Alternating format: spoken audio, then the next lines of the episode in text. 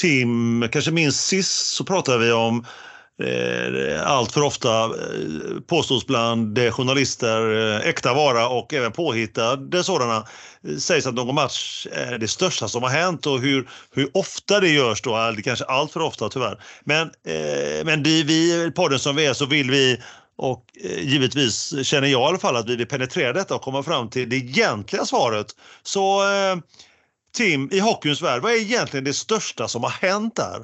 Ja, men alltså, ju mer jag tänker på det. Ro, roligt ämne för övrigt Emil. Vi, vi, vi halkade in på detta förra veckan, eller förra avsnittet snarare, när vi eh, smått stödde störde oss på hur man bara slänger ut det här uttrycket så lättvindigt. Så det var väl ändå rimligt att vi tar upp den här eh, eh tar upp den här pucken eller bollen själva och diskuterar. Men ja, ju mer jag tänker på det så blir det ofta att jag vill ju nästan komma in på ämnet att man ja, men du vet om de här hockeymatcherna som spelas in på nya dygn eller, ja, men, eller vad, vad, vad sägs om till exempel matchen Storhammar mot Sparta Warriors i norska ligan för några år sedan som nådde in på åtta övertidsperioder innan avgörandet till slut då kom. Matchen hade då pågått i närmare åtta och en halv timme. Det är ju helt, det är ju helt sjukt. Nu snackar vi valuta för pengarna. Man ser på tre matcher på en match. Liksom. Det är helt, helt galet givetvis. Men, men jag skulle nog inte vilja lyfta det som det, det största som har hänt hockeyn. För det är det ju inte. Utan det är ju egentligen två rätt udda, uh, uddlösa lag som, som försökte göra upp mot varandra. Däremot skulle jag vilja lyfta någonting helt annat, eller en helt annan match. Och det var ju den matchen som spelades mellan Sverige-Finland, VM-kvarten 23 i just Finland. Sverige hade, Sverige hade ju då först eh, tidigt i matchen tagit ledningen där med 1-0 för att sedan ja, falla som ett korthus minst sagt. Och vid ställningen 1-5 till Finland så inleddes den kanske mäktigaste vändningen i modern tid skulle jag vilja säga. Man pratar ju bragd efter att Sverige hade lyckats eh, vända denna matchen när man då till slut vann med 6-5. Och då är det inte någon sudden death här utan man lyckades vända till 6-5 när det var fem minuter kvar av matchen lite drygt och slog ut Finland i ett kokhett Hartwall Arena i Finland. Så det kanske mest, och det kanske mest minnesvärda av just alla de här grejerna och efter den här urladdningen det är ju vår gode kollega Lasse Granqvists klassiska kommentar när han, när han mer eller mindre skjuter ut att jag ger upp Jansson, jag slutar. Det går inte att hålla på. Det går inte att hålla på. För att sen dra in en liten konstandning varav Jansson då som sitter som expertkommentator retirerar och svarar direkt. Eller replikerar blir det ju. Då svarar han så här. Jo då, det går alldeles utmärkt. så att, eh, så det, en av de största matcherna eh, som jag tycker eh, någonsin har skett, det är ju Sveriges vändning mot Finland 6-5. VM 2003. Du då Emil, vad, ja, du kommer ihåg den också? Ja, Mats Sundin den gamla kvalitetsspelaren, hans ja. blick där vid något av ja. målen. Den här helt, eh, helt maniska, ja. iskalla men ändå Amen. heta blick. Den, den minns man ju. Jag såg matchen. Ja, nej, men det var ju en helt, det var en helt otrolig match. Ja, det, var en helt otrolig match. Ja, det var mäktigt, mäktigt. Eh, mäktigt. Jag förstår att du tog ut den och i, i, istället för den matchen du först började yra om. Eh, mm. Så att eh, även om den var lång då. Precis, ja, den var väldigt lång. Men jag, jag då, jag, först funderar jag på det, det finns ohyggligt många om man drar sig till minnes och man, man går igenom eh, och så, först, det första som kommer upp i minnet är ju, det är ju om man tänker på Sverige och flaggan i topp är ju eh, eh, stor, stor, stora tennisundret i Davis Cup Scandinavium Göteborg 1984 Ja. Dåvarande världsettan i, och tvåan fanns ju i USAs lag, McEnroe och Connors och till det världens bästa dubbelpar just då, Fleming ihop med McEnroe. Och oj, Sverige oj, drog ja. in gruset då i hockeyladan som var väldigt ovanligt på den tiden att man liksom eh, fyllde en hockeyarena, gjorde om den till tennisplan och dessutom la in grus för att det passade Sverige bäst slash miss, eh, misspassade eh, USA bäst och det hela och med USA kommer dit och, och, bara trodde man skulle kunna ställa ut skorna och Sverige avgör och redan efter två dagars spel, två singlar och en dubbel har vunnit då eh, landskampen med ointagliga 3-0. Mats Wilander vinner tre raka mot Connors. Henrik Sundström slängs in och vinner tre raka mot McEnroe på fredagen och på lördagen så, så lyfter ju då Edberg Järryd eh, dubben över fyra set. Ja. Så att eh, där var den. Men det var det är liksom mest den svenska eran landsk, eh, alltså landslagsspelare. Så man, ska man ta på den stora hatten Tim så, så efter mycket funderande så landar jag i Wimbledon-finalen 2019. Mm. Eh, en viss Djokovic mot Federer. Mm. Där matchen över fem set. Första till tiebreak, Djokovic. Andra lätt till Federer. Andra tiebreak igen, Djokovic vinner. Fjärde till Federer och avgörande som leder då till tiebreak. På den tiden i Wimbledon spelar man tiebreak vid 12-12 i game. Mm. Eh, inte sex lika då eller något annat och där vinner, där vinner Djokovic med 7-3. Man får också säga att mm, Federer hade två matchbollar i femte set och matchen var knappt fem timmar lång. Eh, då den längsta finalen som hade spelats. Så det, det är väl den då och jag minns, jag var inte på plats då, men minns eh, tv-sittandet, att man hoppade och skuttade eh, och var helt till sig under timmar eh, med detta och eh, på slutet så, så var det, så, det, det är inte ofta när jag tittar på på icke-svenskar som spelar tennis att jag börjar gråta. Men då upptäcker jag att jag är, jag är blank i ögonen och, eh, och inser att det var nog Federers sista chans att eh, vinna Wimbledon. Just det, just det. Eh, ja, nej, men sådär, det var något eh, otroligt vackert då samtidigt sentimentalt. Ja, så det var, eh, det var den, eh, det måste jag säga, det är nog den största matchen i tennisens värld, i alla fall hittills. Ja, ja men fantastiskt bra redogjort. Nu har, nu har våra goa lyssnare fått, fått redogjort vad, vad vi tycker att man ska ta upp när man pratar om det största som har hänt.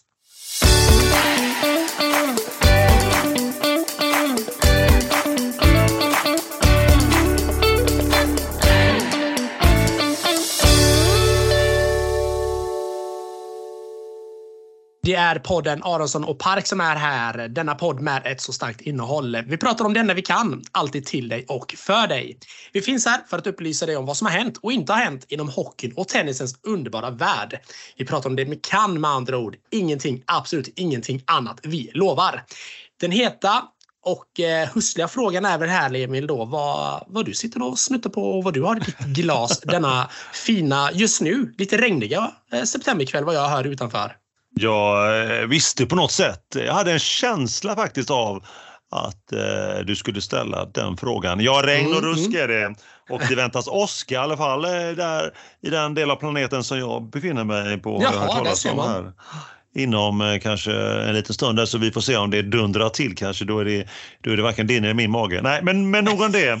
Eh, jo, Tim, jag hittade något spännande faktiskt eh, som jag har i mitt glas här. Det är en, det är en Don Simon, en sangria Jaha. från Spanien. Eh, eh, artikelnummer 2424 på bolaget. Nej, men, eh, mm. Så den hittade jag. Den är fruktig, kryddig, söt smak med inslag av mörka körsbär, apelsin, kanel och, och citron. Den serveras bäst vid 8-10 grader med sällskapsdryck med frukt och isbitar i. Så att jag, jag hade inte mycket frukt hemma ska jag erkänna, så jag har lite isbitar i så att jag har hällt upp den här. Det låter så ändå att, väldigt trevligt. Det ja, så det, trevligt. Det, det är den jag liksom eh, laddar på. 89 kronor kan tilläggas utan att vi är sponsrade av Systembolaget. Men, eh, men jag får ju vända på den frågan och snälla en, en skapligt snarlik fråga tillbaka mm. till dig. Vad har du i ditt glas Tim? Äh, jag har faktiskt eh, tjuvstartat lite grann här. De har ju släppt årets kollektion av oktoberöl. Så att eh, jag sitter faktiskt och smuttar på en oktoberfestöl här nu som är från då givetvis Tyskland. En, en en Zollerhoff som det heter. Väldigt, väldigt trevlig. Väldigt Oktober, trevlig. alltså, tre, alltså 20 dagar innan morgonen kommer så släpper de. Så är det. Då är man otålig du. Ja, och det är jag. Otålig. Både du och de som gör, eh, som gör ölen. Ja. Men uppenbarligen. uppenbarligen. Hörde jag skål? Det tycker jag absolut. Skål på ja. er. Allihopa skål. där ute och även till dig Emil. Ja, skål på alla där ute och även dig Tim. Lämnar ni aldrig här. Det är episod nummer 59 som du lyssnar på och som alltid, vi gör detta bara för dig, för er. Och en stor fråga då, det är vad du gör när du lyssnar på denna episod. Du kanske steker köttbullar, steker väggbullar, bakar kanelbullar, äter tofu, kanske sätter en surdeg. Hmm.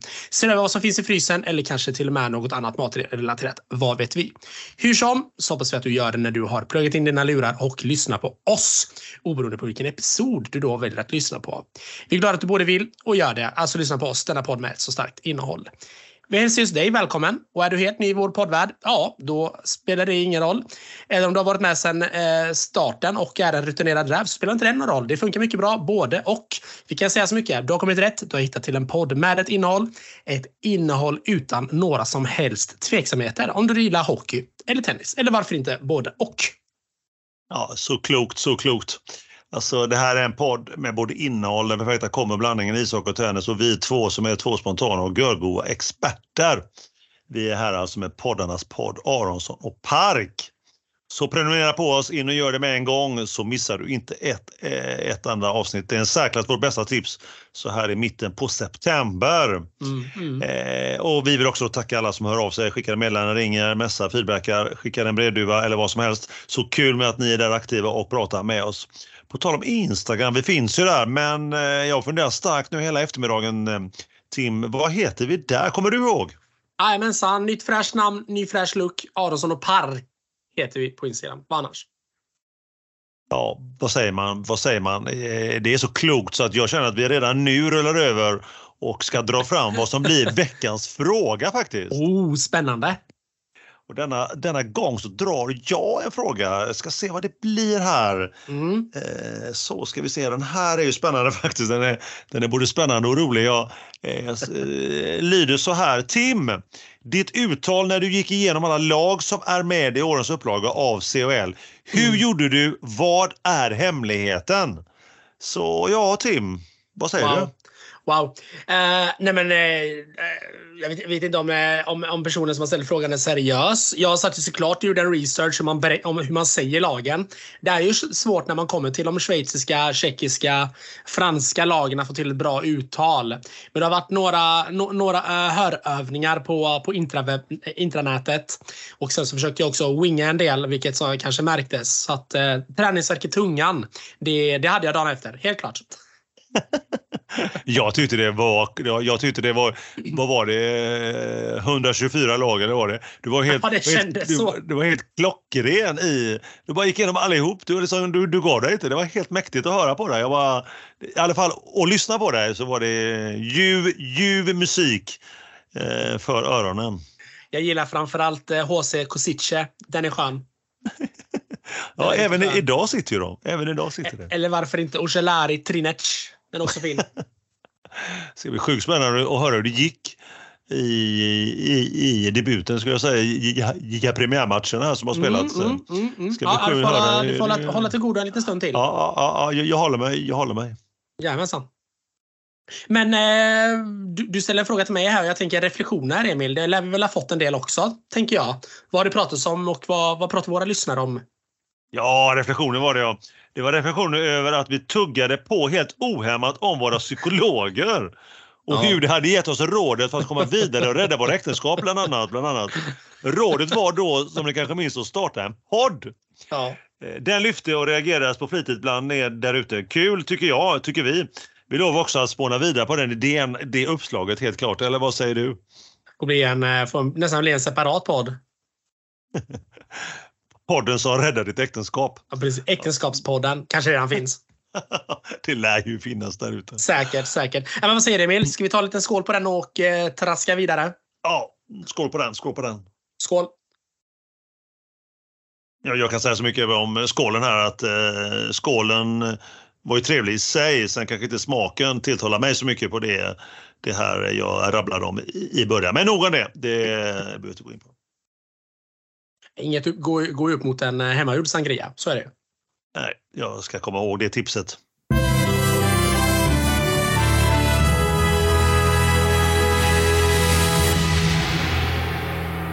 Som sig bör när vi kommit så här långt, eh, en sån här bit in i podden, så vet ni alla eh, rutinerade lyssnare där ute att det är dags för veckorna som gått.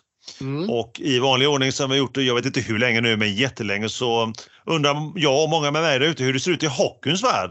Vad har hänt eller vad har inte hänt som vi brukar säga när vi pratar höst, eh, tidig höst i Sverige?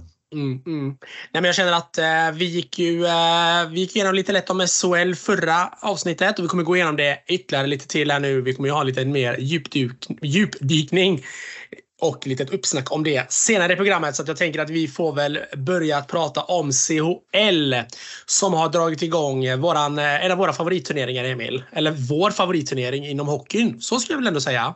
Ja, helt klart. Helt klart. Ut, utan konkurrens. Utan konkurrens, precis, precis. Nej men så är det. Vi har ju faktiskt spelat, eh, det har ju faktiskt spelats eh, fyra matcher. Det, det är ju 24 lag som då möter varandra. Man har fått eh, sex stycken motståndare. Där man då har sidats från grupp A, B, C och D. Och där man har plockat motståndare med lägst ranking, högst ranking, olika länder, eh, ranking på länder etc. etc. För att summera det kort. Och det har spelats massvis med hockey. Det kan man ju lugnt säga. Men jag tänker att vi börjar med det bästa laget hittills i serien. Växjö Lakers som då på sina fyra matcher har vunnit de fyra. Ändå efter övertid. 11 poäng. Imponerande och eh, dessutom eh, gjort över 21 mål på fyra matcher. Oj. Det får man ju också se som en riktigt bra. Det är ju ungefär, det är ett snitt på ungefär fem mål per match. Och man har då endast också släppt in nio. Så det är en fin statistik för eh, vårt eh, svenska Växjö Lakers där. Sen har vi Ilves Tampere, ett annat fint slag. Inte Tappara, utan Tampere Ilves. Som då ligger på en andra plats. Ser eh, ruggigt stabila ut faktiskt, måste jag väl ändå säga. Går vi längre ner i tabellen så hittar vi Färjestad på en femte plats. Eh, nio poäng. Tors mot Ingolstadt i Tyskland som i mina ögon faktiskt eh, sticker ut lite grann. Det var en, eh, ja det måste varit en eh, sur förlust för Karlstad-gänget. En jämn match som slutade 1-0 för Ingolstadt när de Oj. spelade då i Karlstad. Så en extremt jämn match. Sen har vi då Genève Servette, Dynamo Pardubice, Luco Roma, Ingolstadt och sen då på en tionde plats först Emil. Jo då, där hittar vi Tappara. Så faktiskt en bit ner i tabellen. Det är 16 lag som ska ta sig vidare till slutspel i en sextondelsfinal. Och Tappara då just nu på en tionde plats. På en elfte plats hittar vi Skellefteå AIK. Uh, eh, endast 6 poäng har de lyckats skramla ihop. Torsk mot franska Ron, Ron de Dragon på hemmais. Det, det sticker ju onekligen ut. Jag visste inte ens att Frankrike höll på med någonting annat än fotboll. Nu spelar de också hockey och vinner mot Skellefteå. Så den matchen sticker ju verkligen ut. Uh, sen så spelar man ju även då mot uh, Dynamo eh, Pardubice som uh, man också då faktiskt torskar på hemmais. Så två av fyra matcher har man förlorat och då faktiskt på hemmaplan också. Det sticker ut i min värld. Ett annars så extremt tajt och starkt Skellefteå som vi är så vana vid att se. Som jag var inne på förut, 16 lag ska då ta sig vidare. De kommer att eh, fortsätta spela lite hockey här nu i början av oktober. Så att det är ungefär en månads uppehåll här nu innan, eh, innan vi får se eh, upplösningen av CHLs grundserie. Men två matcher kvar att spela om. Jag sa jag fyra. Jag sa fyra matcher kvar, men det är två matcher kvar att spela om. och det ska bli väldigt spännande att se då för att det är ju väldigt jämnt från mitten av tabellen egentligen och nedåt. Där tian Tappara har 7 poäng och 17 plats. Eh, eh och Lari Trinec har 4 Så det är ju bara 3 poäng som skiljer från att inte spela eh, slutspel och att spela det. Så det ska bli väldigt intressant att se. Brasklappen här är väl att Växjö och Ilves då redan är klara för slutspel eftersom de då har lyckats skrämma ihop nästan full pott, 11 poäng. Så att, eh, ja, det ska bli väldigt intressant att se där. Ska se om vi hade mer här då. Det var väl det jag hade om CHL för stunden. SHL ska vi ta om en liten stund. Men vi har ju också veckans Bork, Emil. ja, den, har, den längtar man ju. Så vi bara har... sitta och hoppa. Kan knappt sitta still och bara längta efter den. vi har veckans Bork. Och han har varit ute och svingat på Twitter vart annars. Det är ju hans, eh, det är ju hans eh, kommunikationsredskap. Uh, kommer att komma in lite mer om eh, eh SHL som sagt in, senare då och Linus Omark. Men det är i alla fall om Linus Omark det här inlägget handlar om. Och då skrev Leif Bork så här på, på Twitter. Linus Omark rankas som den största stjärnan i SHL av GTs experter. Senaste tio åren, knappt några mål i Tre Kronor, ej etablerade NHL, flashat runt i Finland och Schweiz och SHL. Nej, den bedömningen delar jag inte när jag ser övriga namn. En window dresser upp till bevis. Och jag skulle väl ändå vilja säga att eh, jag personligen när jag läste detta tänkte jag att han är ju helt ute och cyklar med den här kommentaren. Alltså, det är ju kanske en av Europas bästa spelare som kommer till SHL. Vi ska vara tacksamma att han kommer till SHL. Linus Omark levererar. Han är skillnaden på vinst och förlust och kommer vara det under hela säsongen för Luleå. Men då fick ju Leif Bork ett litet oväntat svar. Av Linus Omark på Twitter.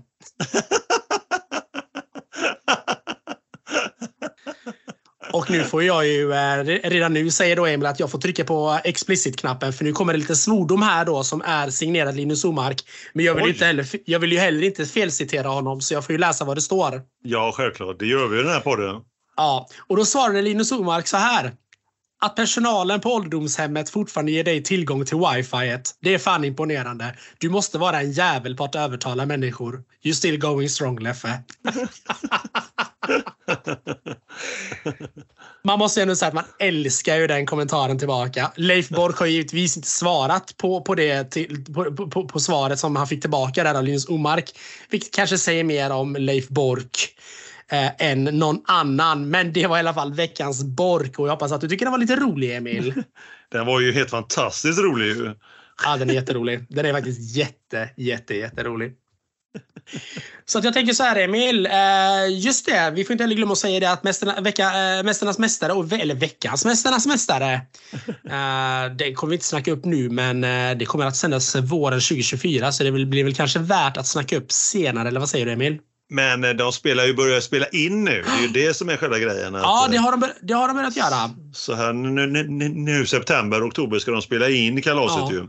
Ja. Så att vi, vi får hålla oss och äh, återkomma till den stående punkten som vi kommer att ha och analysera hur det gick i kamperna och i duellerna eller nu vad allting heter. Ja. Det känns som att vi har gått över till att ha blivit veckans eh, kändisnytt här.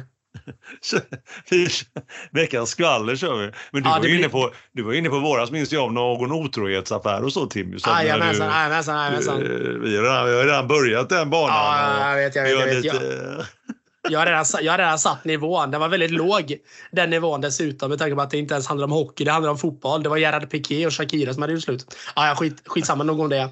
nog om det. Men det var ju, det var ju Piqué som eh, var ju Piqué som eh, var ju grundarna och var en av huvudsponsorerna till Davis Cup innan de hoppade av. Så ah, lite, lite rätt var det ju. Det var ju lite tennis. Eh, mm, ja. Även om jag vet inte vad otroheten gjorde med, eh, i den. Men det var Nej. kanske någon röd tråd där som inte jag såg. Säkert, säkert, säkert. Ja, vi, får gå till, vi, får, vi får gå tillbaka och lyssna på det avsnittet och se helt enkelt vad det var vi pratade om. Jag har nästan glömt. Men bra var det. Eh, ett otroligt starkt innehåll. Det var ett otroligt content. Så var det. Otroligt, var det. otroligt. Ja. Men Emil, jag tänker att eh, det får vara det, får vara det för hockeyn för nu, tänker jag i alla fall för en stund. Så att, eh, jag tänker mig här att jag eh, lutar mig tillbaka, lämnar över till dig Emil och eh, bara väntar för att avnjuta och höra ditt eh, tugg om, om tennis. Ja, tack. Tackar, tackar, tackar, tackar Tim som vanligt. Men tugg från dig, det gillar jag alltid Tim. Det vet du, det vet du, det vet du. Vi eh, tänkte vi skulle prata lite om eh, igår, eh, igår söndag så avslutades ju den eh, 10 september så avslutades årets sista Grand Slam ju. Eh, US Open New York, eh, United States of America som vi alla väntat på det. Mm. Ja, och vi hade ju, vi siade förra gången vi snackade upp turneringen så tänkte jag att jag skulle skulle göra så att vi går igenom nu varje, varje kvartsdel över till semifinalen och eh, final och pratar lite om vad vi tippade samtidigt som jag fyller i lite grann med hur det gick egentligen i min tippning samtidigt. Så att man kan säga att jag tar podden till en helt ny dimension här om du är med på det Tim. Jajamän, jajamän. Ja, vad härligt. Den översta kvarten då var vi inne på att eh, var vi inne på att Alcaraz skulle möta Sinner. Eh, vi nämnde också Sverre, men jag får nästan ska framåt säga att vi såg inte honom som något större hot, i alla fall inte till en kvart. Men hur blev det då? Jo, Alcaraz, han lekte ju fram och släppte bara ett set fram till kvarten. Sinner, han gick också fram till åttondelen, men där mötte han ju Sverre eh, som blev för svår över fem set. Så att eh, det gick inte så bra där och eh, denna Zverev då, han, eh, han påstod ju i den första omgången när han fick spela på bana 17 att det mm. stank Mariana som i Snoopy Dogs vardagsrum. Sen eh, kan man ju då kan man ställa sig frågan hur Sverre vet det. Men eh, ja. men Sverre höll ihop det och gick ju till kvarten där ju. Så att eh, han kom över bana 17 där. En av de eh, banorna så längst ut i arenan så att säga. Men eh, så kan det gå med Sverige och hans Mariana-känningar. Eh, andra kvarten då, vi flyttar ner lite. Vi trodde då eh, citat på Deminar mot Urkas i den kvarten. Eh, men man vet aldrig med ryssen Medvedev. Eh, sett tvek eh, ut innan, sa jag då. Och hur blev det då? Hurkas vände 0-2 till 3-2 i första omgången mot Ysler, en eh, schweizare, och förlorade, dock förlorade andra omgången i tre raka set mot Draper, rankad 123. Och sen eh, vann Rublev åttasidad över Draper i fjärde omgången. Medvedev eh, mötte Demenar i åttondelen och vinnaren över fyra set den ryske björnen. Så då blev det i kvarten Medvedev tredje sidan mot Rublev eh, åttasidad. Ett, ett, ett skönt eh, så att säga ryskt eh, möte där väntar. Tredje kvarten, vi har flyttat ner då en bit till, plockar fram Tiafoe var jag inne på med hemmafördel mot spanjoren Davidovic, 21-sidad trodde jag till kvarten. Eh, för jag, min spekulation i det var att han var ändå i semifinal i Masters för några veckor tidigare då. Eh, men oerhört öppet kunde jag komma fram till och bland annat så åkte ju eh, Rudd och Rune ut tidigt där. Hur det blev i övrigt, Davidovic och Fokina full i tredje omgången eh, mot Tommy Paul, amerikanen, över fyra set. Eh, eh, på tilläggas att Davidovic vann ett game de första två seten, bara en sån sak. Och om du minns den reseglade grabben från USA, Ben Shelton, rankad 47. Mm. Mm. Han som slog igenom Australien i fjol när han första gången var utomlands. Eh, och som vi då har eh, matat er med här i podden en hel del sedan dess. Han hade 2-0 i set och 4-1 i tredje mot just landsmannen Paul. Tappade fem raka game och 4-6 och var, hade även breakball emot i fjärde set att tappa det till 0-1 men vände på det och breakball till 4-2 men dock 3-3 men upp till 5-4 Sir Paul och vem vänder på det då? Jo, Ben Shelton och går till vinst snyggt. Så det blir amerikansk kvart här. Paul mot Shelton i eh, kvarten där. Bara en sån mm. sak. Ja. ja. Mm, så i fjärde och sista då, då har vi eh, eh, andra sidan Novak då såklart, Djokovic. Eh, bäst sida efter honom var Tsitsipas och hemmaspelaren Joe Banks. Eh, 28-sida. Tredje gången här står mellan dessa två och ännu en hemmaspelare Fritz i fjärde trodde vi då och vinnaren trodde jag då skulle bli vi. Sissipas på rutin. Så greken trodde vi Djokovic i kvarten. Men hur blev det då? Sissipas åkte ut redan i andra omgången. Oj, oj, Över en schweizare, hör och häpna, som heter Dominik Stricker. Rankad 128, 21 år gammal. Trots att greken hade 2-1 i set. Stricker ska tilläggas att han vann första omgången mot Papyren, en australiensare, i ranka 41, 4 set. Stricker som sedan vann med 6-2 i avgörande set mot Bonsi. Tredje gången eh, Djokovic tappar första och andra set mot landsmannen Djere, vände och tappade sen fem game på den matchen. I kvart då alltså Djokovic mot kvalspelaren Stricker alternativt Fritz USA. Och där vinner Fritz enkelt i tre raka. Så alltså Fritz mot Djokovic i den kvarten. Och då är kvartarna alltså Alcaraz mot Sverre, Medvedev mot Rublev, Tiafoe mot Shelton och Fritz mot Djokovic. Mm. Det är du. Eh, hur gick det då? Alcaraz mot Sverre, eh, inbördes 2-3 innan match. Eh, och det blev 3-0 enkelt till spanjoren som inte gav tysken en chans. Mm. Medvedev mot Rublev eh, och det gick då, jo, ehm, eh, men full mot Medvedev 3-0. Åttonde mötet 5-2 till Medvedev dock har Rublev vunnit de två av de tre senaste matcherna. I Grand Slam är det dock 2-0 till Medvedev utan setförlust. Denna gång vann Medvedev som sagt i eh, tre raka set. Det märks att Medvedev börjar spela upp sig. Vilket spel han har stundtals redan mm. i kvarten. TFO Shelton och Shelton då som enda osidade spelare i kvarten. Och Shelton vinner 3-1 i set. Wow, säger vi. Lite skakigt i tredje set men vann i tiebreak. Får vi kalla honom, Tim, vad säger du om vår gubbe där ute?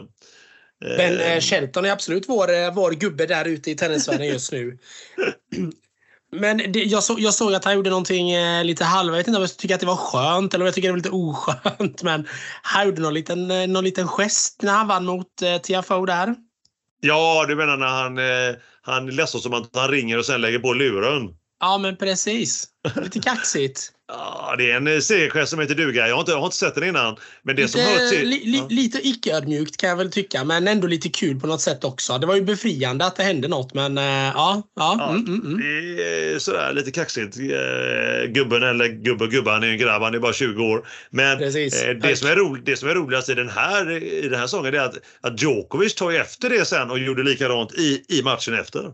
Precis. Så att Precis. det är ju lite roligt att, eh, att den gamle serben som borde veta bättre eh, tar efter honom och då sa ju Shelton efter det uttalade han sig i presskonferensen och sa att eh, man tar efter sina idoler så att det blir jättesmickrande. Ja. Wow, wow, wow.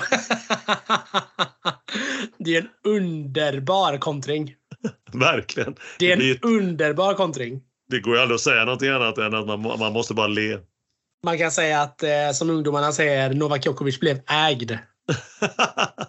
du, du, du, bara, du bara slänger dig med dessa här ungdomliga Ja, uttrycken hela tiden. Till. Ja, men jag tänker nu har vi ändå slått på explicit-knappen. Då kan man prata hur som helst. Ja, ja, ja. Då, då, då kan man säga sådana ord som ägd. Ja, du vet. Vi rullar vidare här, eller vi gör en dräpande forehand. Eh, eh, fjärde, sista kvarten. Fritz, amerikanen. Nionde sida mot Djokovic, eh, andra sida.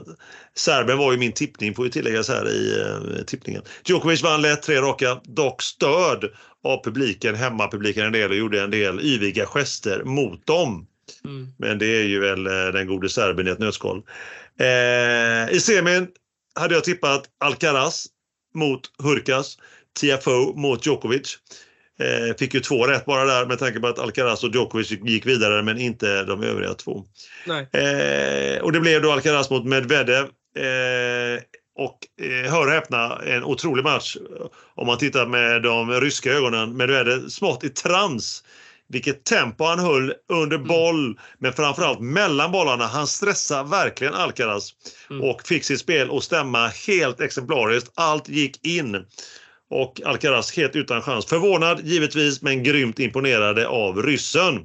Mm. Så ryssen i eh, final över fyra set där. Och i den andra semifinalen, Shelton mot Djokovic. Det var eh, Novak- Djokovic eh, 47 Grand Slam semifinal. Och eh, 47 och han har nått US Open-semi 13 gånger. Eh, det var Sheltons första då ska vi tilläggas. Ja. Eh, han är nästan dubbelt så gammal, eh, Djokovic, så det är inte så konstigt kanske. Men eh, mulet, inte lika hög luftfuktighet som det varit tidigare i turneringen.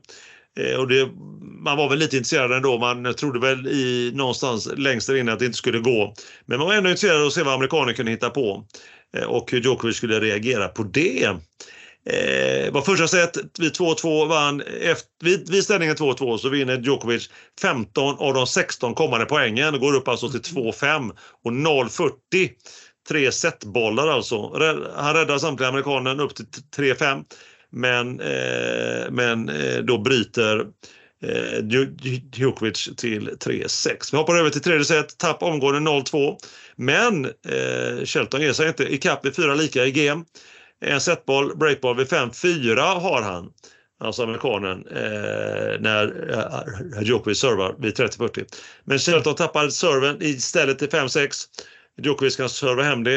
Eh, Är breakbollar emot eh, blir det inte utan det är två matchbollar. Vänder till break och tiebreak och där tappar han 0-3, 1-5 till 4-5 till slut till 4-7. Matchen är över på 2.41. Eh, och en, en sak som har ältat sig fast i minnet i huvudet, eh, jag tittade på matchen, det var att varför höll Shelton på med alla dessa stoppbollar? Eh, det kan man göra, men då ska man vara duktig på det, som en gammal grek sa. Så var det! Så det var ju synd att han höll på med de grejerna när man inte är så duktig på det, speciellt inte mot världens bästa tennisspelare kanske. Ja, dumt. Onödigt. Ja, helt klart. Eh, och final då. Eh, tippade Alcaraz mot Djokovic. Men det blev Medvedev mot Djokovic. Eh, Serbens 36 Grand Slam-final. Rekord på det. Tionde finalen i US Open. Inbördes 5-9 till eh, Serben. Och vi minns väl alla US Open-finalen för två år sedan. där Djokovic kunde vinna den och ta hem en Golden Slam, alltså vinna alla fyra fyra eh, stora, alltså fyra Grand Slam på ett och samma år. Men eh, Medvedev ville annat och vann tre gånger, fyra, sex. Han mm. klädde av, som jag uttryckte det i en episod då, eh, denna, eh, den gången. Nu sent söndagkväll svensk tid, start klockan 10 igår kväll. Vädret är inte alls lika luftfuktigt längre och fullsatt givetvis eh, var annars. Tätt spel, bra spel, långa dueller, men Medvedev som han själv uttryckte det, han orkade inte.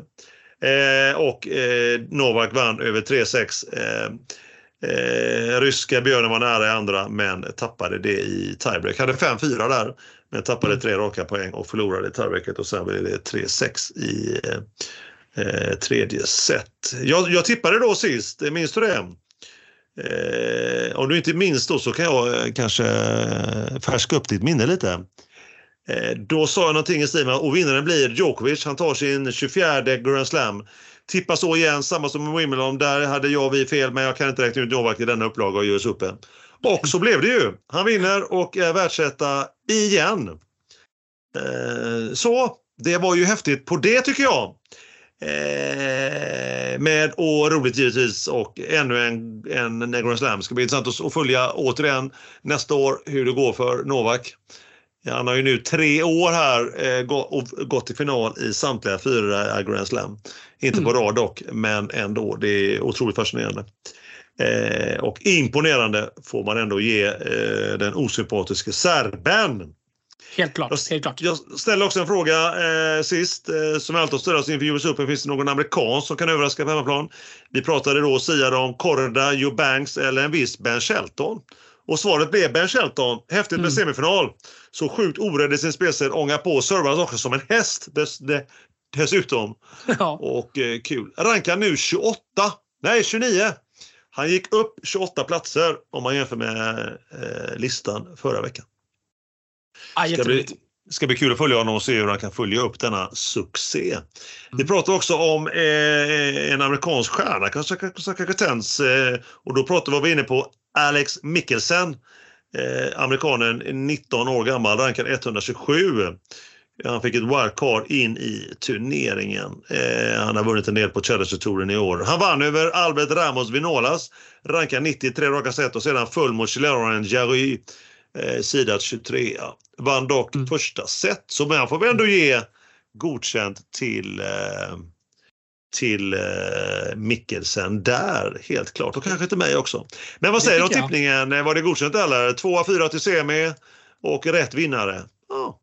Ja, men alltså det, det är det ju. Alltså man får inte glömma att det är ju så ohyggligt många spelare som också är med och spelar. Eh, två av fyra, absolut. Jätte, jättebra. Och sen då såklart eh, Novak Djokovic. Det var ju den du hade tippat som vinnare. Han vann. Han höll eh, favoritskapet uppe. Det är, ja, det bär emot att säga det, men det är ju såklart sjukt imponerande det tänker vi innan 24, 24 Grand Slam.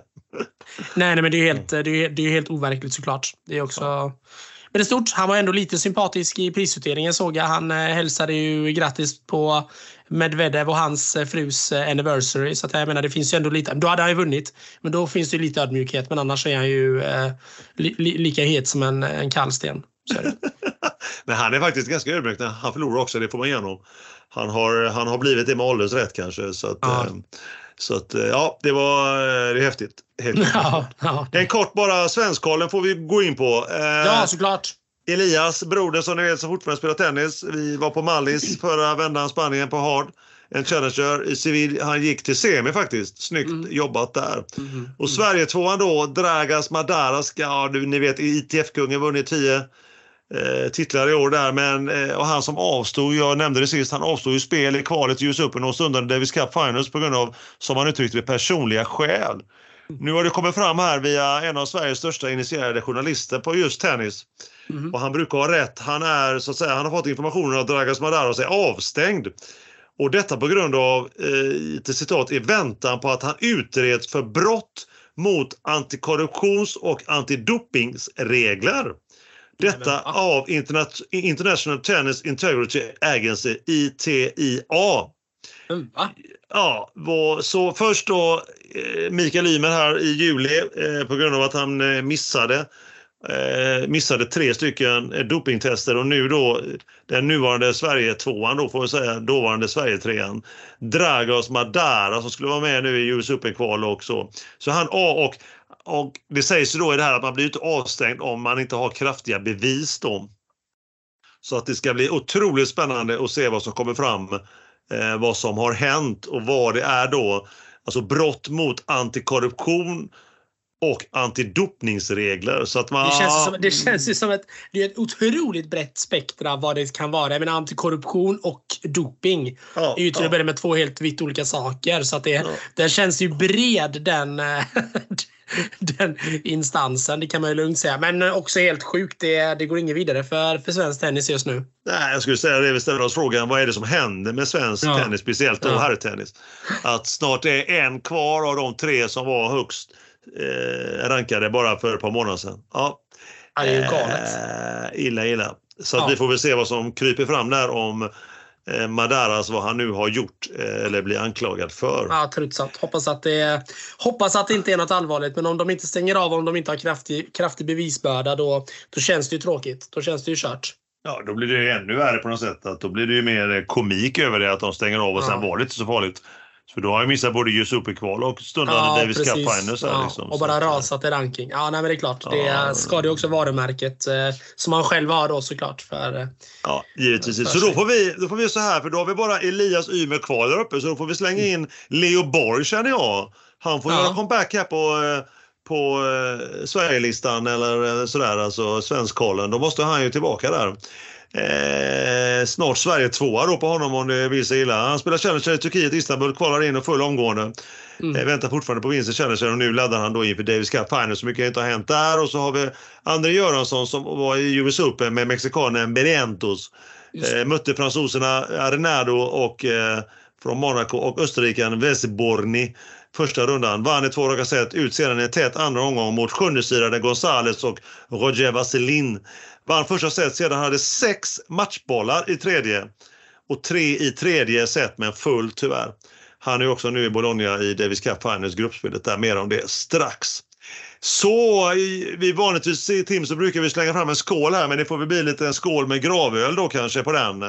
Ja, det var med tanke på Madaras... riktigt deppig. Riktigt deppigt.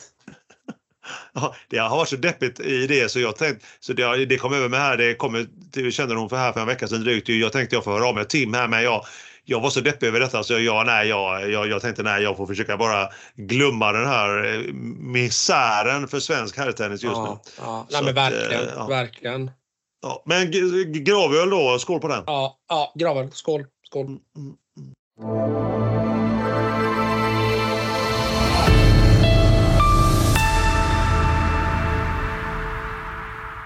Då var vi där. Då var det dags för inte bara ett styck veckans uppsnack som börjar bli standard för podden, Tim. Eh, du mm. får som den fina man som äh, så börjar. Det första uppsnacket, det står ju du för. Så Tim, vad vill du snacka upp? Ja, nej men jag har ju redan eh, spoil spoilat detta tidigare avsnittet. Men jag vill ju snacka upp SHL.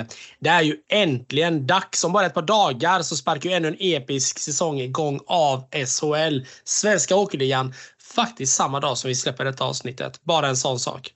Och precis som vanligt denna tiden på året så kan man ju då konstatera att detta kanske kommer att gå till historien som den tajtaste säsongen någonsin. Haha, med tanke på vad vi har pratat om innan. Nej, men skämt åsido. Det brukar ju, vara, det, det, det, brukar ju faktiskt låta så att det kommer bli en väldigt tajt säsong och det finns ju inte mycket som kommer att eh, som får mig att eh, gå i andra banor så att säga.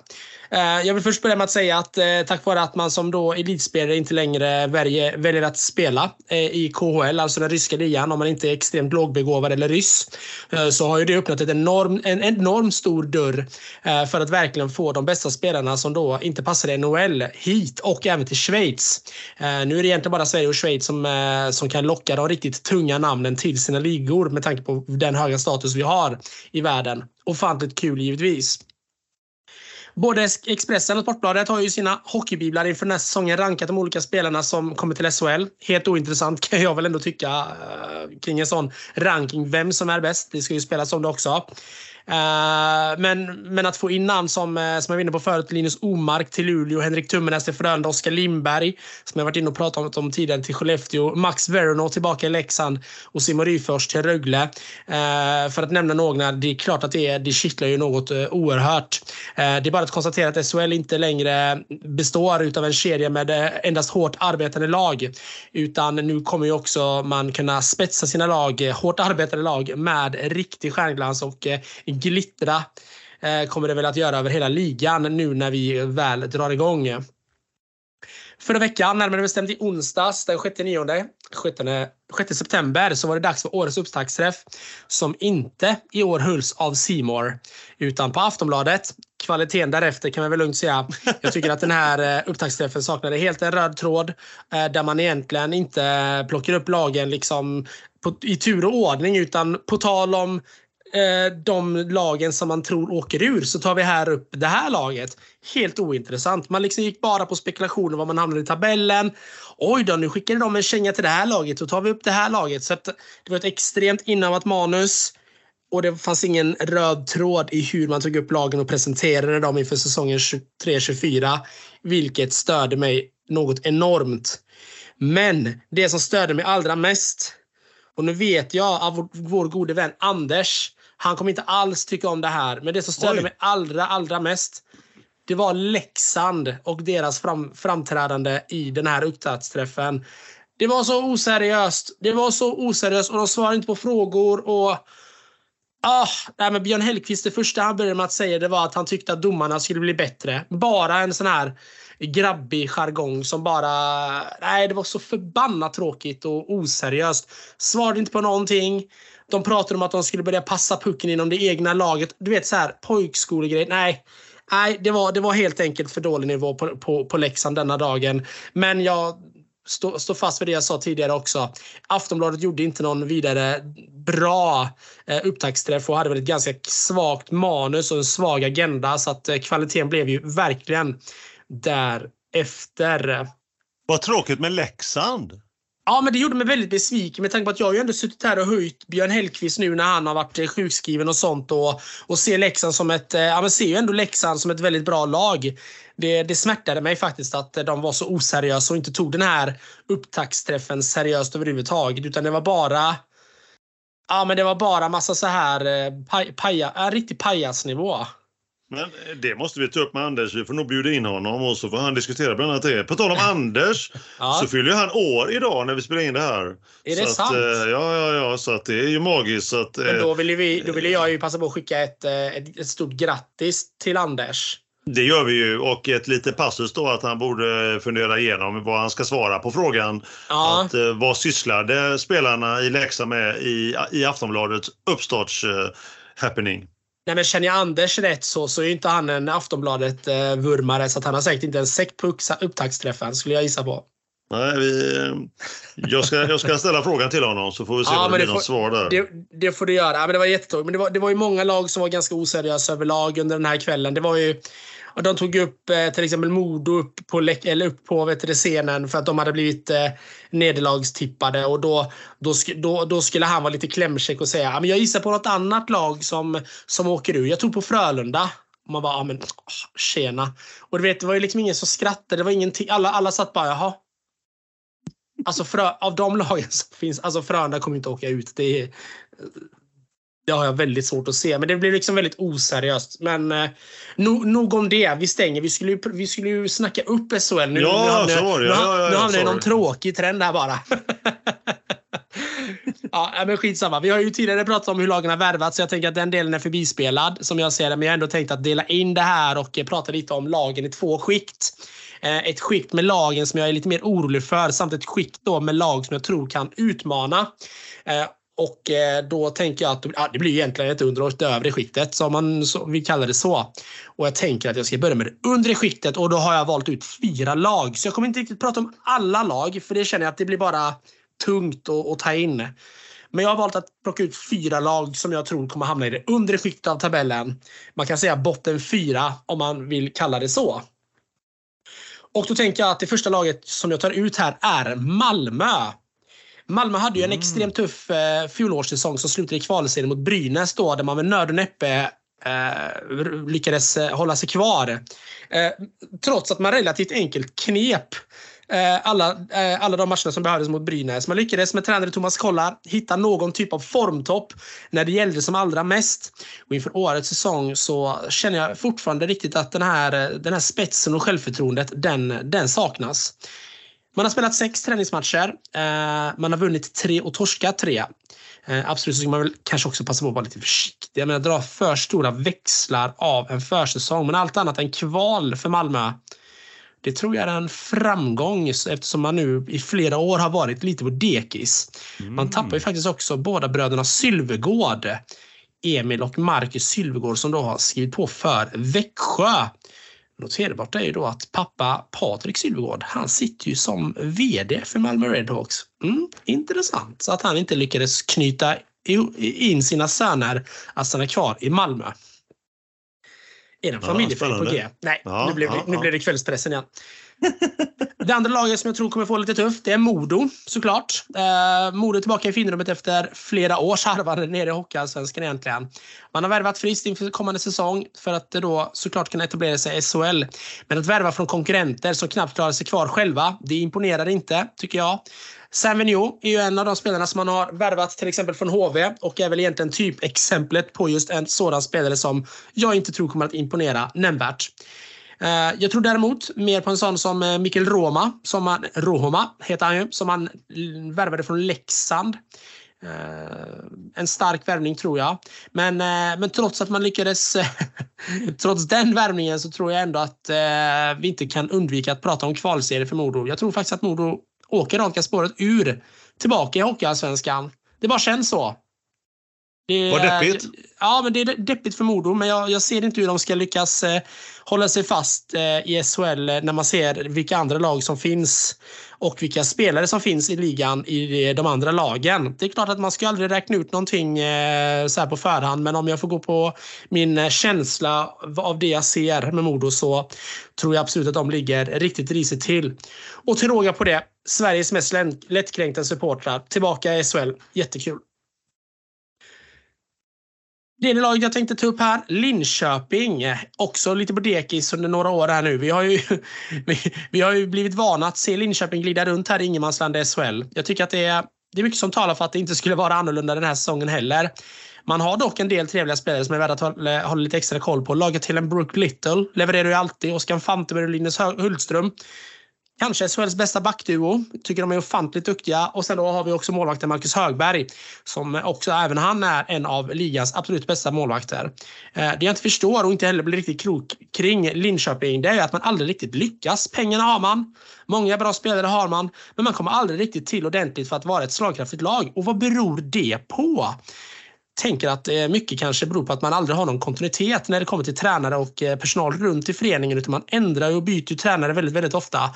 Nu har man ju eh, Claes Östman, gammal Frölunda-tränare då som, som står i, i båset och kanske med lite kontinuitet så kanske Linköping kan bli bättre men känslan säger ju att det inte blir så den här säsongen heller. Så att, eh, ja, jag vet inte riktigt. Jag, som sagt, som jag sa innan, jag, vad beror det här på egentligen? Saknas vinnarkultur eller eller, eh, ja, eller vad beror det på? Det, det, känns som att eh, guldet alltid blir till sand i Linköping. Det talas alltid väldigt positivt om dem, men det, det blir liksom inte mycket mer än så. Och det sista laget som jag är lite extra orolig för.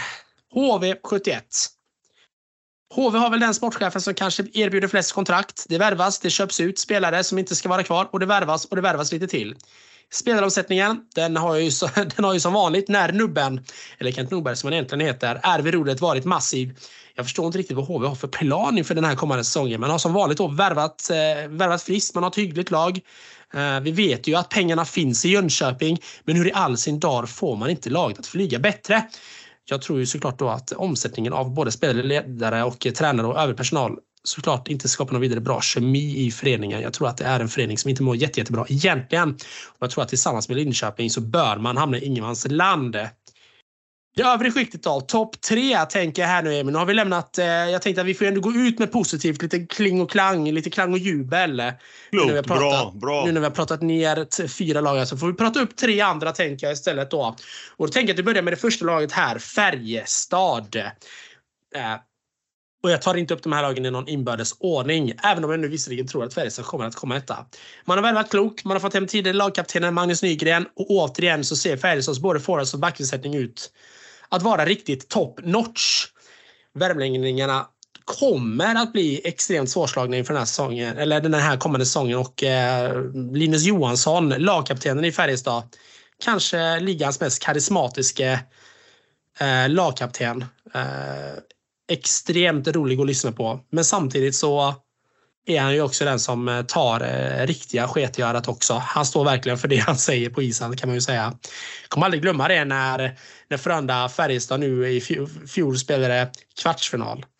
När Linus, Hulsen var så, eller Linus eh, Johansson var så otroligt besviken på sitt lag. Och eh, direkt in i andra perioden så gick han in och satte in tre stenhårda tacklingar bara för att visa att nu vaknar vi gubbar. Tycker det är härligt. Jag gillar sådana lagkaptener som står för det man säger. Det är, han går i bräschen för sitt lag. Ja, det är bra. Sådana spelare gillar man. Jajamensan, jajamensan. Nästa lag som jag tänkte ta upp här. Frölunda. Tänker säkert många lyssnare, men det är klart att du väljer Frölunda, det är ju ditt lag. Nej, inte riktigt så. Utan om man nu kollar faktiskt till det laget som, eller till de spelare och det material man har att jobba med det här året så tror jag att man kommer att bli riktigt giftiga. Generationsskifte, ett viktigt sådant. Joel out, Max Friberg in som ny kapten. Max har ju gått i Joels skola dessutom de senaste åren och är ju alltid en spelare som eh, ligger väldigt, väldigt högt upp på mångas önskelista. Eh, dessutom en spelare som har extremt bra fysik, det får man inte heller glömma. Eh, jag nämnde att han gick, har ju gått Joels skola de senaste åren och vet vad som krävs för att vinna. Han har vunnit SM-guld med Frölunda. Eh, till detta lite spets i Malte Strömvall som är en riktigt vass powerplay-forward. Eh, och då Henrik Tummenä som, eh, som också är helt, eh, ja, kanske ligans bästa back, kanske Europas bästa back. Om man ska tro på vad faktiskt Linus Omark sa på press eller upptaktsträffen som var här nu då förra veckan. Uh, däremot så tror jag att man behöver få in en center, en riktig stjärncenter. För det är det man saknar, det saknar just nu i Frölunda. Man behöver en riktigt stark center för att man ska kunna gå hela vägen. Uh, jag tror att det blir det som kan bli vägskälet för Frölundas del. Så att det ska bli väldigt intressant att följa dem den här säsongen. Och det tredje sista laget som jag tänkte ta upp här också då, Luleå Hockey.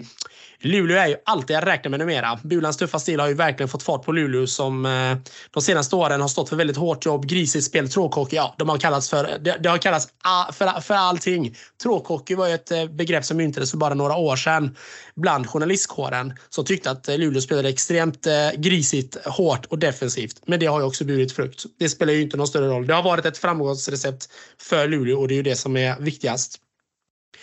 Men som jag sagt innan, Luleå, de kommer ju aldrig vinna något guld under min livstid ändå. Och det tipset, det står jag fast vid. Dock, dock, dock, dock, väldigt, väldigt kul att Linus Omark är tillbaka i svensk hockey. Samt att göteborgaren Pontus Andreasson åter då ansluter till Luleå. Men Pontus Andreasson, lika fascinerande och lika intressant som det skulle följa hans eh, resa här nu i Luleå igen. Lika mycket får jag känslan över att är det någon spelare som hamnar i frysboxen och som kommer att eh, ryka i Luleå så är det Pontus Andreasson. Han har inte haft någon vidare eh, turné utomlands här nu och jag tror att han kan komma in med lite strukat självförtroende. Men vi får ju hoppas såklart att han kommer in med samma goda självförtroende han hade nu senast när Luleå gick till final. Vinnare då av SHL 2023-2024. Det blir ju då Färjestad såklart. Färjestad kommer vinna SM-guld. Luleå och Färjestad kommer att spela final. Men Färjestad med sin trupp där borde allt annat än ett SM-guld vara nästan ett fiasko. Faktiskt. Mot Luleå sa du? Man möter Luleå i finalen. Men som jag sa innan, Luleå kan inte vinna. Det är omöjligt. De kommer aldrig vinna ett SM-guld under min livstid. Så att då får jag ju säga Färjestad. Men nu snackar vi efter slutspelet alltså? slutspelet. Snackar, ja. Nu snackar vi slutspel. Precis. Mm, mm, mm, mm, Men du tror också på den här, eh, den här topp tre i topp av serien? Ja, det tror jag absolut. Topp top tre tror jag att det kommer vara Färjestad, Luleå och Frölunda. Och jag tror att Färjestad kommer vinna SM-guld. Och jag tror att Modo kommer att åka ut. Och där Emil. Ja. Där var jag upps ja. uppsnackad. Modo säger du? Ja, ja, ja. ja, ja. ja. är svårt att se Modo hålla sig kvar. Det känns som att de eh, man åkte ju faktiskt, återigen, man ska inte prata för mycket om, om försäsongen, men man åkte ju faktiskt på en ganska tuff smäll mot eh, Björklöven nu under försäsongsserien här. Och Björklöven spelar ju Hockeyallsvenskan. Och Björklöven såg mycket bättre ut än vad Modo gjorde just nu. Ja. Men återigen, det är försäsong. Allt kan hända, det spelar absolut ingen roll. Men ändå en sån, du vet, bara känsla. En känsla jag får. Mm, mm. Ja, spännande. Det ska bli kul att följa. Jag, jag noterar och vi lär ju återkomma till det här under, under hösten, vintern och våren. Jajamensan, så att jag tänker här Emil att jag tar och lämnar över med en fuktig smash. Det är väldigt kvavt här inne just nu i, i rummet, så du får fuktig smash till dig.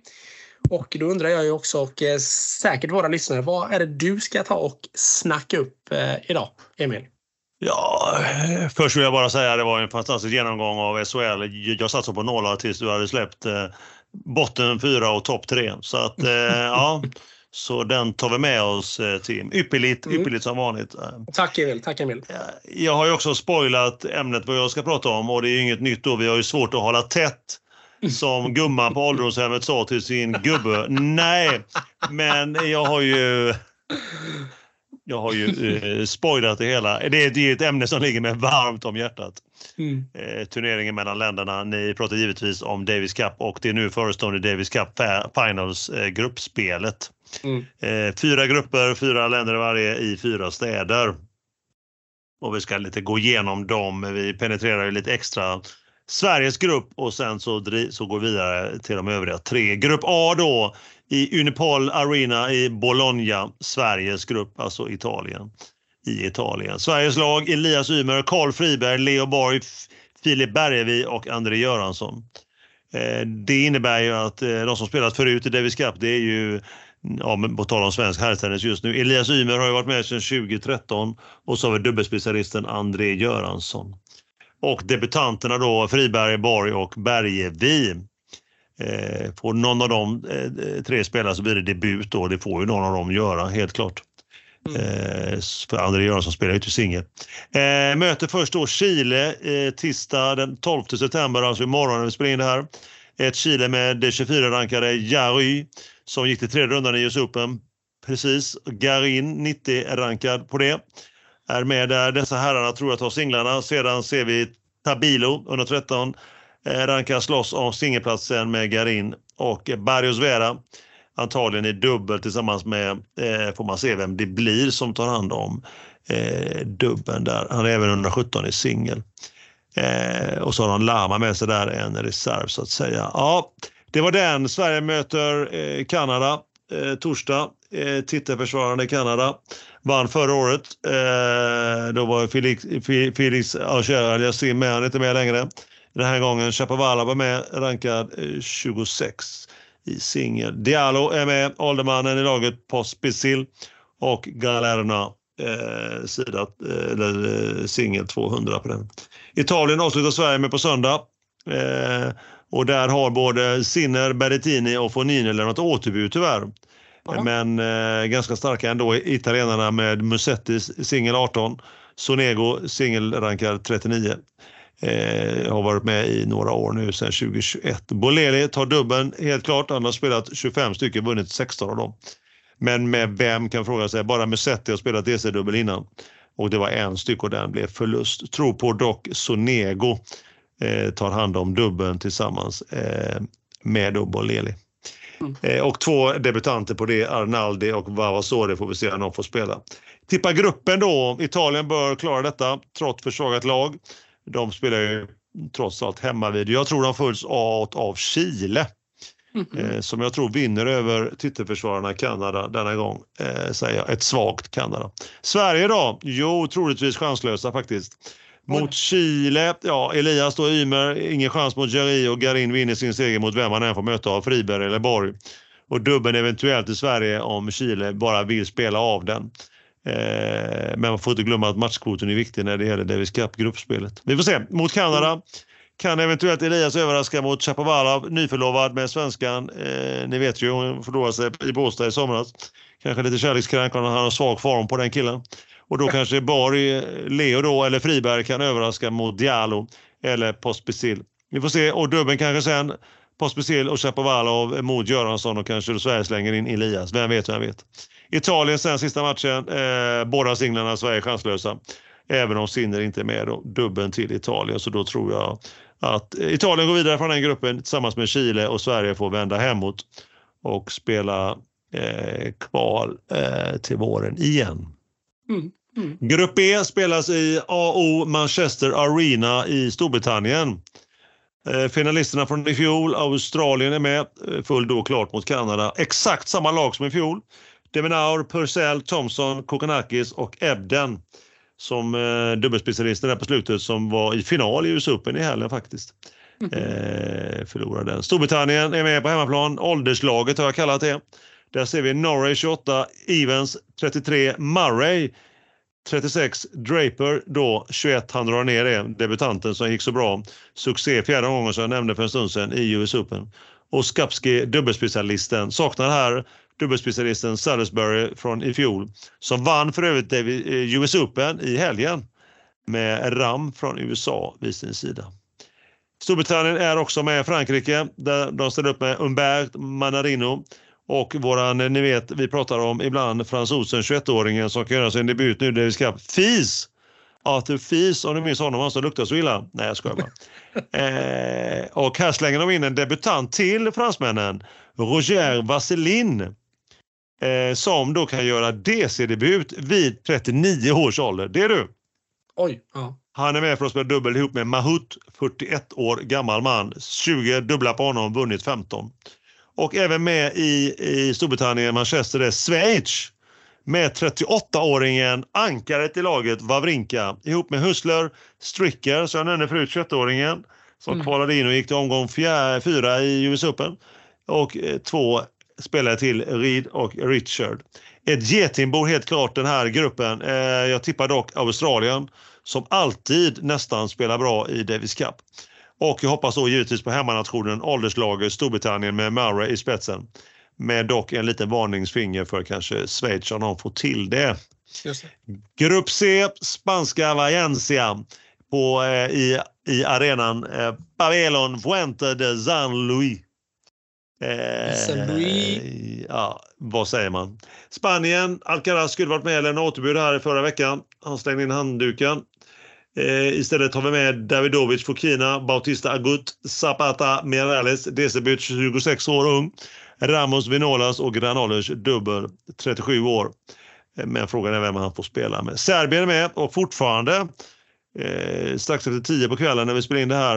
Eh, Serbien är Djokovic fortfarande med, har inte lämnat återbud. Eh, Djere spelar han med i, i laget, Kesmanovic, Lajovic och Kasic. Och Tjeckien är med i den gruppen. Lehecha, Masek, Mensik och Pavlasek. Ja, du hör ju. Ja, det, det, det är imponerande att du löser de här namnen. Korea då, nu ska du få höra här, är med som fjärde lag, land i den här gruppen. Kwon Zhenjong, Yen Zeong, Zhu Zung och Min Ky. Där har vi den eh, femlingen. Och vilka tror vi går vidare här då? Jo, Spanien trots eh, utan Alcaraz. Men med plan, hemmaplan fördel. Och Serbien tror jag. Eh, tveksamt dock till hur mycket Djokovic kommer att spela. Men vi får se. Men jag, jag tror ändå på länderna på S, Spanien och Serbien. Grupp D i kroatiska eh, Split i arenan Arena Grip Sports Center. Mm. Där har vi Kroatien eh, som saknar Koric, rankas 23. De ställer upp med Gojo, Prismic, Dodik och Pavic. Mm. Mektic är alltså inte med heller. Mm. Men Dodik mot Pavic i dubbel där då så får vi de andra två ta hand om singlarna. Vi får se, vi får se. Eh, Nederländerna med, med Grigspor, Van der Sandschulp, Brover debut, Kohlhoff och Middelkopp i dubbel. USA är med, TFO Paul, McDonald, Krajcek och Ram då, som sagt mästare i US Open precis eh, här om dagen i helgen. Och som sista land som är med i Split, Finland kvalificerar sig för Davis Cup Finals. Och då har vi Ruusuvuori, Virtanen, Kakkovalta, Hellisvaara och Niklas Salminen. Du hör ju. Ja, visst vet du. Tippar här Nederländerna och USA som går vidare där. Tyvärr för hemmanationen då Kroatien. Då har vi alltså vilka åtta vi tar med oss till eh, finalspelet i november i Malaya. Spanien, det blir Italien, Chile, Australien, Storbritannien, Spanien, Serbien, Nederländerna och USA. Så får vi se. Mycket kan hända. Vilka spelar, vilka, vilka spelar inte? Det är det som vi får fundera på. Mm. Och imorgon då kör de igång tisdag 12 eh, september klockan tre. SVT för övrigt, SVT Play, mm. sänder, sänder Sveriges matcher alla tre. Härligt! Då finns det möjlighet att kunna se dem utan att behöva ha någon fet eh, betalkanal att kolla på. Exakt, så dra in den där klockan tre och så sätter du så, så ger du så ger du, ger du dottern lite mat eller godis där så är det inga konstigheter. Så att... Godis är för roligt. Det blir inga, ingen godis till tvååringen. Nej. Skojar bara. Ge, ge, henne lite, ge henne lite gott att äta bara så det är inga konstigheter. Hon får majskaka. Du får, får hälsa från mig. Vet du, inga konstigheter. Men Tim, vi ska hålla oss till, vi ska hålla oss till eh, ett content här är viktigt för oss. Så att vi släpper majskakan och eh, jag kan sammanfatta så här Tim att jag är klar. Ja, men gud vad bra. Alltså, vilket, eh, vilken genomgång. Vilken genomgång. Mycket länder att hålla reda på, så är det helt klart. Ja, men verkligen. Nej, men det, det, det är ett gissel med den här, eh, när man har de här grupperna på det här sättet. Men eh, väldigt, väldigt, väldigt bra genomgång, Emil. Mycket bra, mycket bra. Så eh, det, är ju, det är ju svårt om, när man också, som vanligt skulle säga, inte har större koll på eh, vilka som spelar och inte. Kommer, kommer Djokovic eller inte? Och, ja, Just det. Så att, eh, knepigt, knepigt. Men är det någon som klarar det så är det du och jag. Är det Jajamensan, som vanligt Emil. Som vanligt Emil. Det är, bara, det är bara att hålla i hatten så kör vi. Så, som vi så ofta brukar säga. Aha.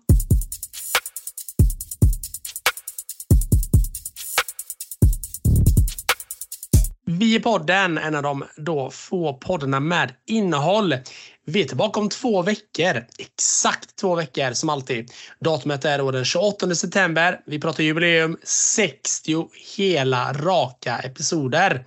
Det är det.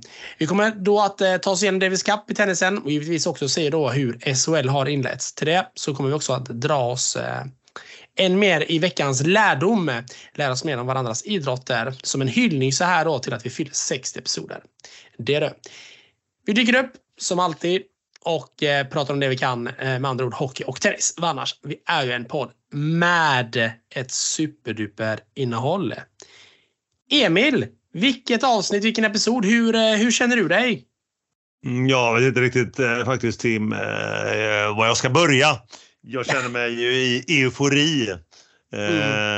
Allting från inledningen till den extremt smaklösa och nästan vedervärdiga drickan. Men eh, så, så tändes ju hoppet igen när man fick höra om eh, COL och och gå vidare och sen över till SHL och sen avsluta med lite rysning själv när man får prata om mm. Davis Cup. Så att jag, mm. hur jag känner mig just nu så är det eufori och på topp, helt klart. Hur känner du dig? Eh, så jag kan sammanfatta så här Tim, att jag är nöjd. Är du nöjd? Hur känner du? Ja, men jag, jag är jättenöjd. Jag är supernöjd med både min egen insats men även din Emil. Fantastisk genomgång av både Davis Cup där och den US Open som spelades. Denna så mäktiga US Open där, där många liter cola för egen del gick åt.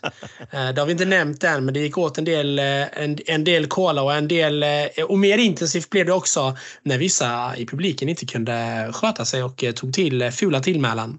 Kan man säga. Ja, ja, just det. Ja. Det, är bara, det är bara tragiskt. Det är bara tragiskt. Ja, men hur som helst, vi ska ju ja. avsluta på topp. Och jag tycker att vi verkligen gör det nu. Jag tycker att det har varit ett toppenavsnitt där vi har fått gå igenom mycket, mycket bra saker inom både hockeyn och eh, tennisens eh, goa, fantastiska, spännande värld. Ja, helt klart. Helt klart. Ett, eh, ännu en gång eh, gör vi det bättre. Kanske det bästa någonsin. Nej, vi får släppa den där. Men hur som helst, eh, hur som helst Tim, så avslutar vi med att säga ta hand om dig där ute, ta hand om kärleken. Ha det gott nu allihopa! Ha det gott allesammans. Hej, hej!